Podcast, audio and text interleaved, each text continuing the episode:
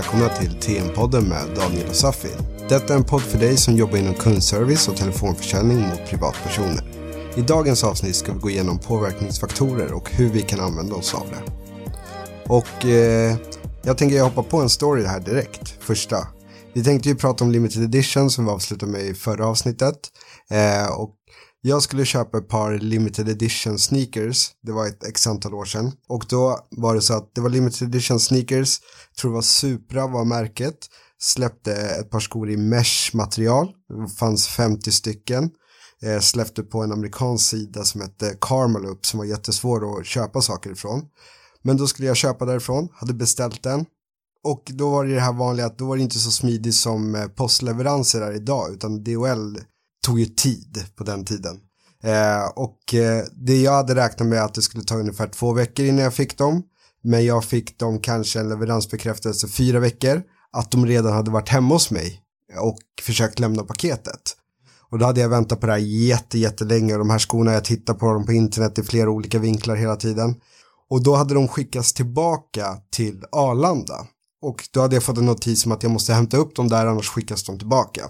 Och jag hade precis fått bil, jag har inte körkort men jag hade ärvt en bil. Eh, och då hade jag en flickvän som hade körkort så jag tänkte perfekt, då ska jag nyttja det här på ett bra sätt så hon ska få köra mig dit. Samma dag skulle jag också leverera ett ölflak till min syrra student. Mm -hmm. Så jag hade en limit på kanske två timmar tror jag. Men jag tänkte jag måste ha de här skorna, det är limited edition, annars kommer de gå ut på försäljning igen om jag inte hämtar dem. Så jag satte mig i bilen, övertalade frugan där att köra mig hela vägen till Arlanda för att hämta dem. Åker dit, eh, tar ju ett bra tag åka, då satt eh, jag och jobbade på Gärdet. Åkte därifrån från Gärdet hela vägen till Arlanda. Kommer dit och tänkte, eh, ja men de lär väl finnas här någonstans. Eh, så jag bara går in på terminal 5 till närmaste reception och bara, ah, jag skulle hämta ett paket. Och de bara kollar konstigt på mig. Nej, men vi levererar inga paket här. Har du fått några meddelanden? Så visar jag meddelanden som jag hade fått ja men du måste åka lite längre bort här borta. Jag bara okej. Okay. Och det är ju till Arlandas leveransstation som ligger typ en 40 minuter från själva Arlanda. Mm. Så jag åker på en sån här kringelsnokig väg med bara lastbilar och min lilla polo. åker dit och då kommer det till en sån här säkerhetskontroll. Jag bara okej, okay, nej, nu får vi vänta ännu längre tid här och jag såg ju bara klockan ticka och ölen börjar bli ljumnare i bak. Och så bara, ja, eh, får vänta här. Och då skulle de göra en kontroll av bilen först. Och då hade ju inte jag, eftersom jag precis hade ärvt bilen, det var ju en massa skit i bak, för vi hade gjort en flytt från landet tidigare. Så hittade de en morakniv i bak i bilen, så jag bara, nej, vad är det här? Jag bara, nej men det är inte, jag har precis hämtat bilen, ni kan ta den, det är ingen fara. Efter mycket om och men så okejade de det, fick komma in, hämta den där, paketet och då var ja ah, det är en tillkostnad fraktavgift för att det är så tungt paket för jag hade köpt lite andra kläder också på 3000. Jag bara nej. Jag bara men det får vara värt det. Det är 3000, nu blir de här skorna ännu mer värda, de här limited edition dojorna.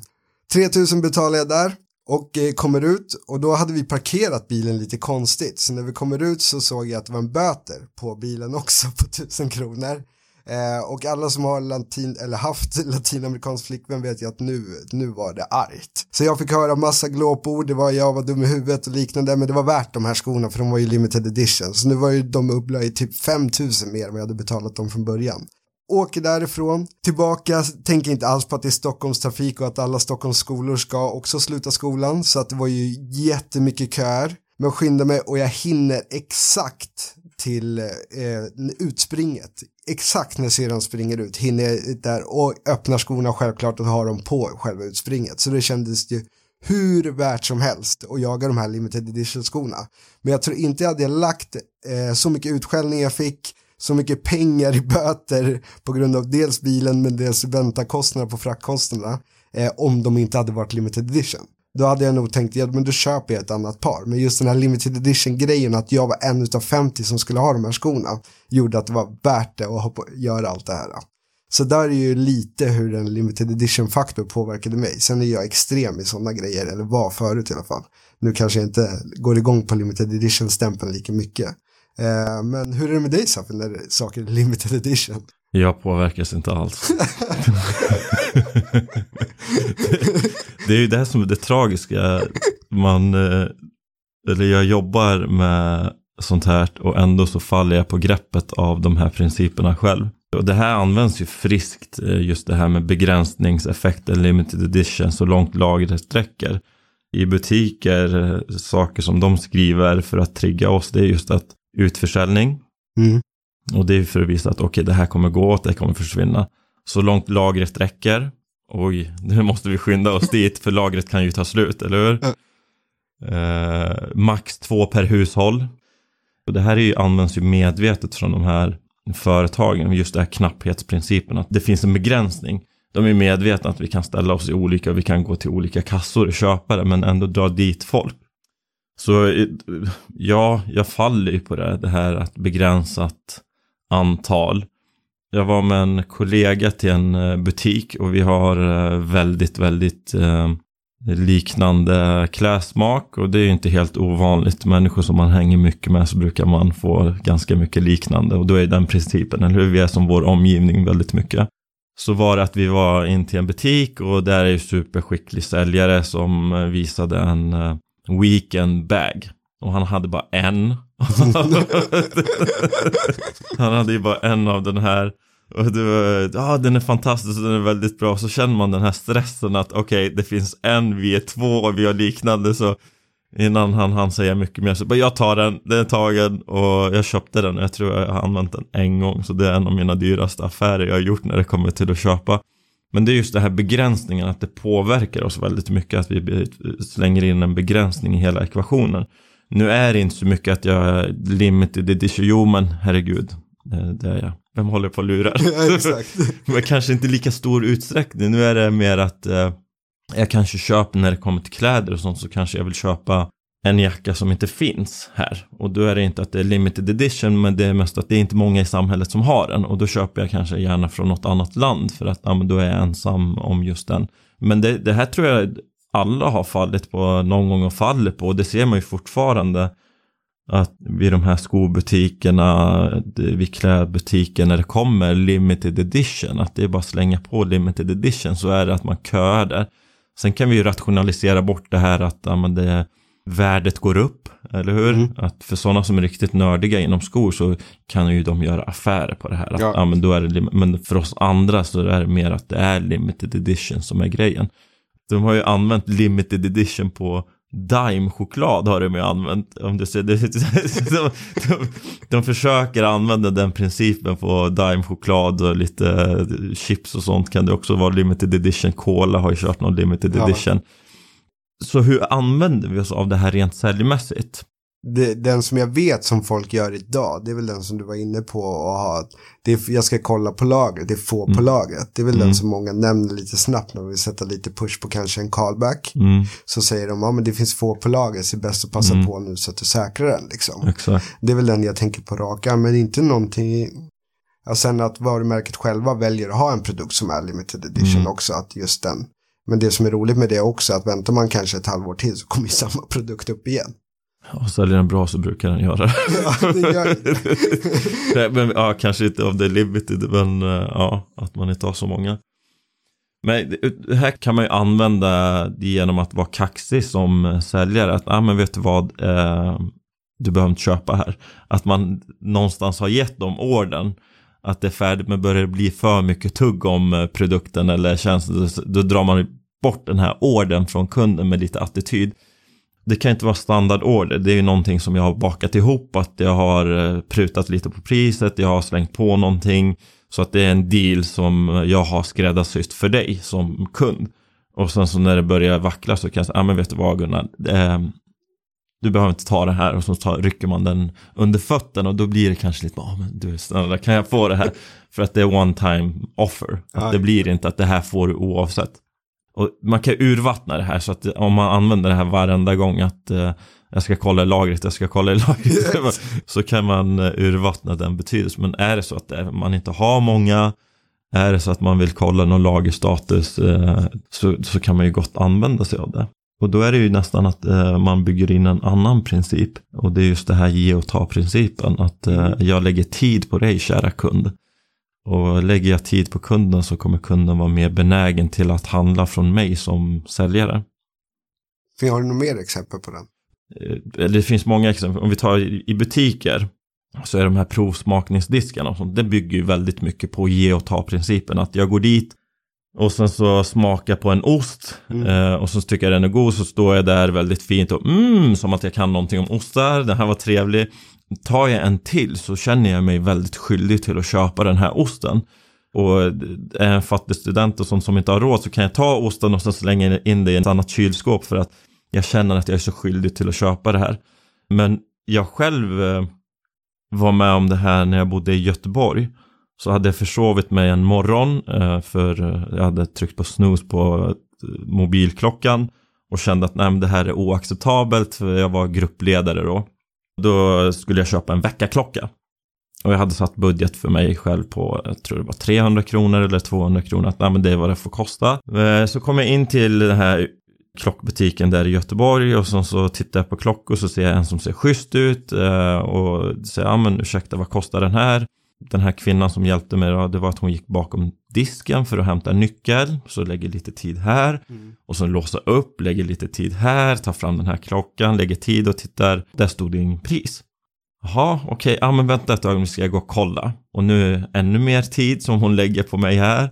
Så går hon och tittar och hittar inte, kommer tillbaka, ja men jag hittar inte priset, så skriker hon till sin kollega som heter Anna eller Gunilla eller vad hon heter. Bara, du Gunilla, vad kostar den här? Så nu är det två personer som hjälper mig här. Och Gunilla hade inte koll, så då säger Gunilla till eh, hon som hjälper mig att, ah, men jag ska gå ner och kolla i lagret. Och nu är det ju ett stort projekt så att nu tar det mycket tid, flera personer som är involverade i mitt fall och för mig så är nu väldigt låst i den här affären för de har lagt så mycket tid på mig, service, eller hur? Ja. Skulle priset vara inom rimlighetens ramar så kommer jag gå ut därifrån med den klockan i en kasse. Så kommer jag tillbaka, ja det var 300 spänn och det var ju 100 spänn mer än min budget. Jag tror min budget var 200 spänn så det är ju ändå ganska stor skillnad mm. från 200 till 300 spänn.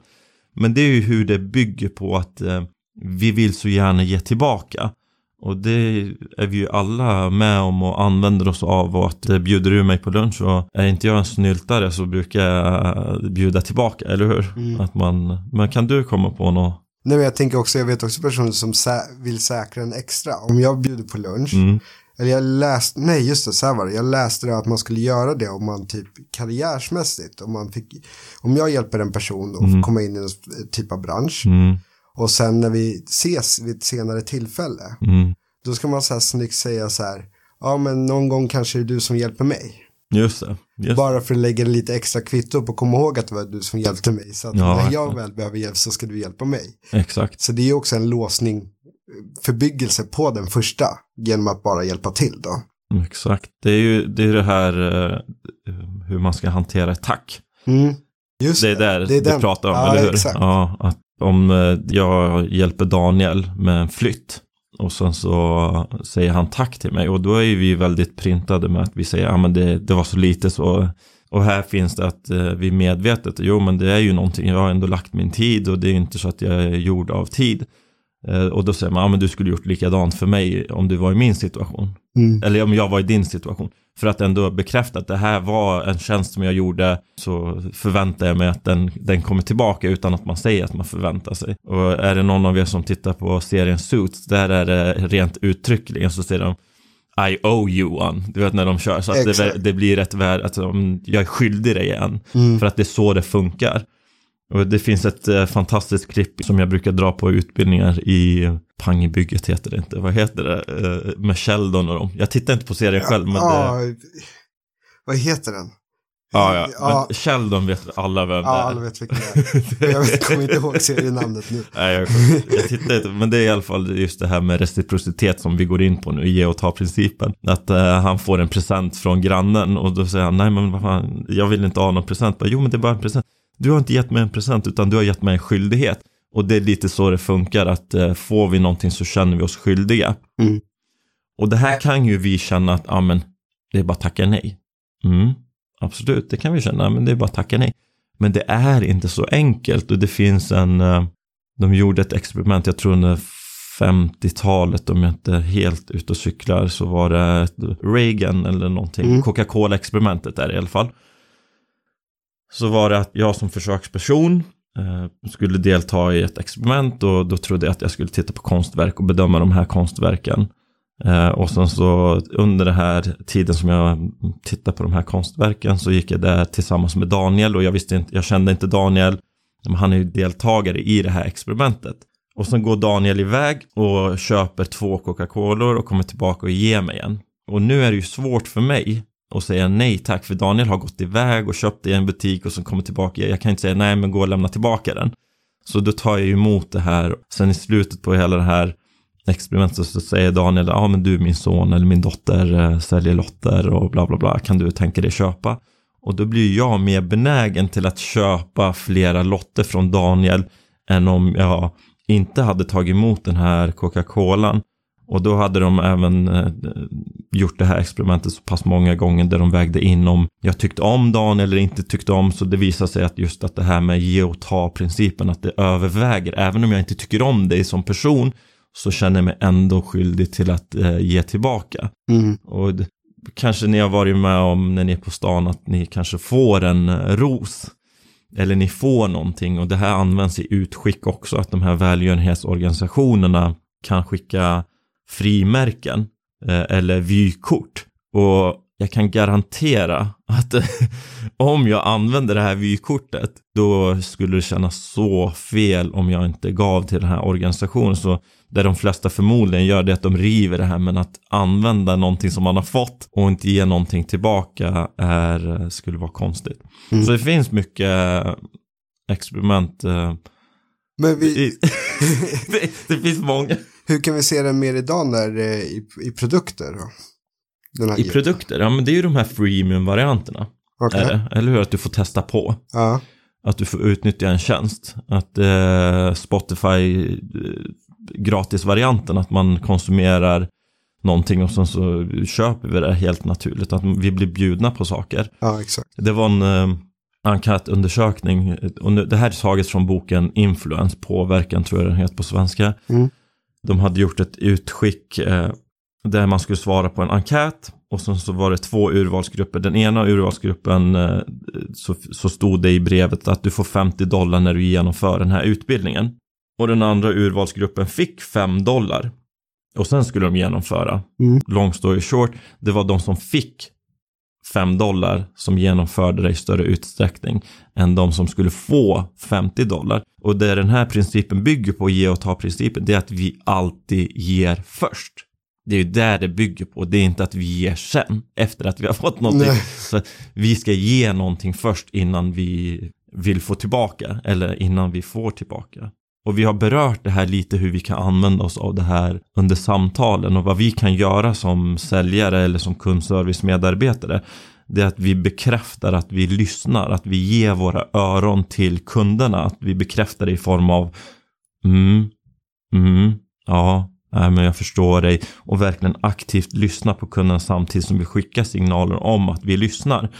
För det gör kunden medvetet eller omedvetet så gör det dem mer skyldiga till att lyssna på oss Mm. när vi aktivt lyssnar. Men om jag inte lyssnar på kunden så kommer inte de ha någon skyldighet till att ge mig sina öron heller. Sen kan det väl också vara desto mer tid du lägger på kunden. Säg, jag vet vissa samtal där kan vara att man, man vet att man kan lösa problemet. Mm. Säg om det är en ny tv-abonnemang eller Mm. mobiltelefon.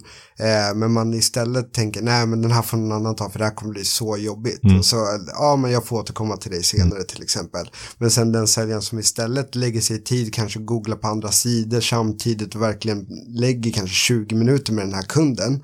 När det väl kommer att de har löst det och kunden köper så är det ett säkrare sälj än om det har bara gått igenom kortfattat. För då vet också säljaren, men han har gått igenom grundligt med mig vad jag skulle kunna få den i butik, om jag köpte den där och skillnaderna och fördelarna.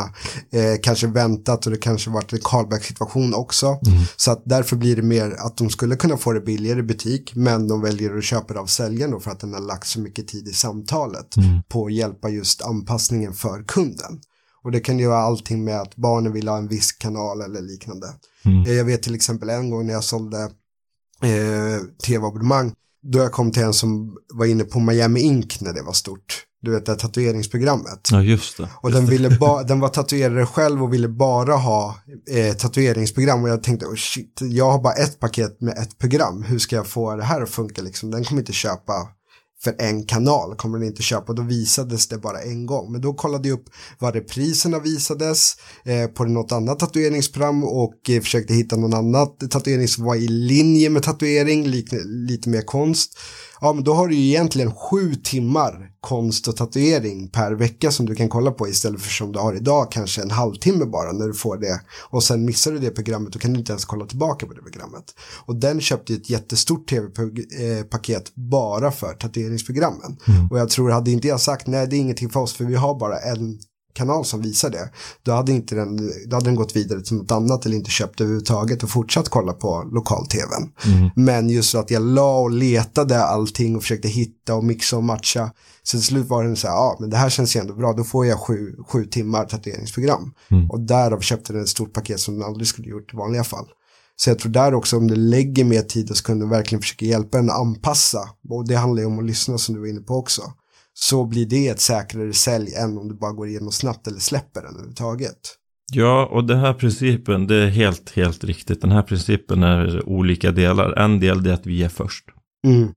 En annan del det är sättet vi är det också.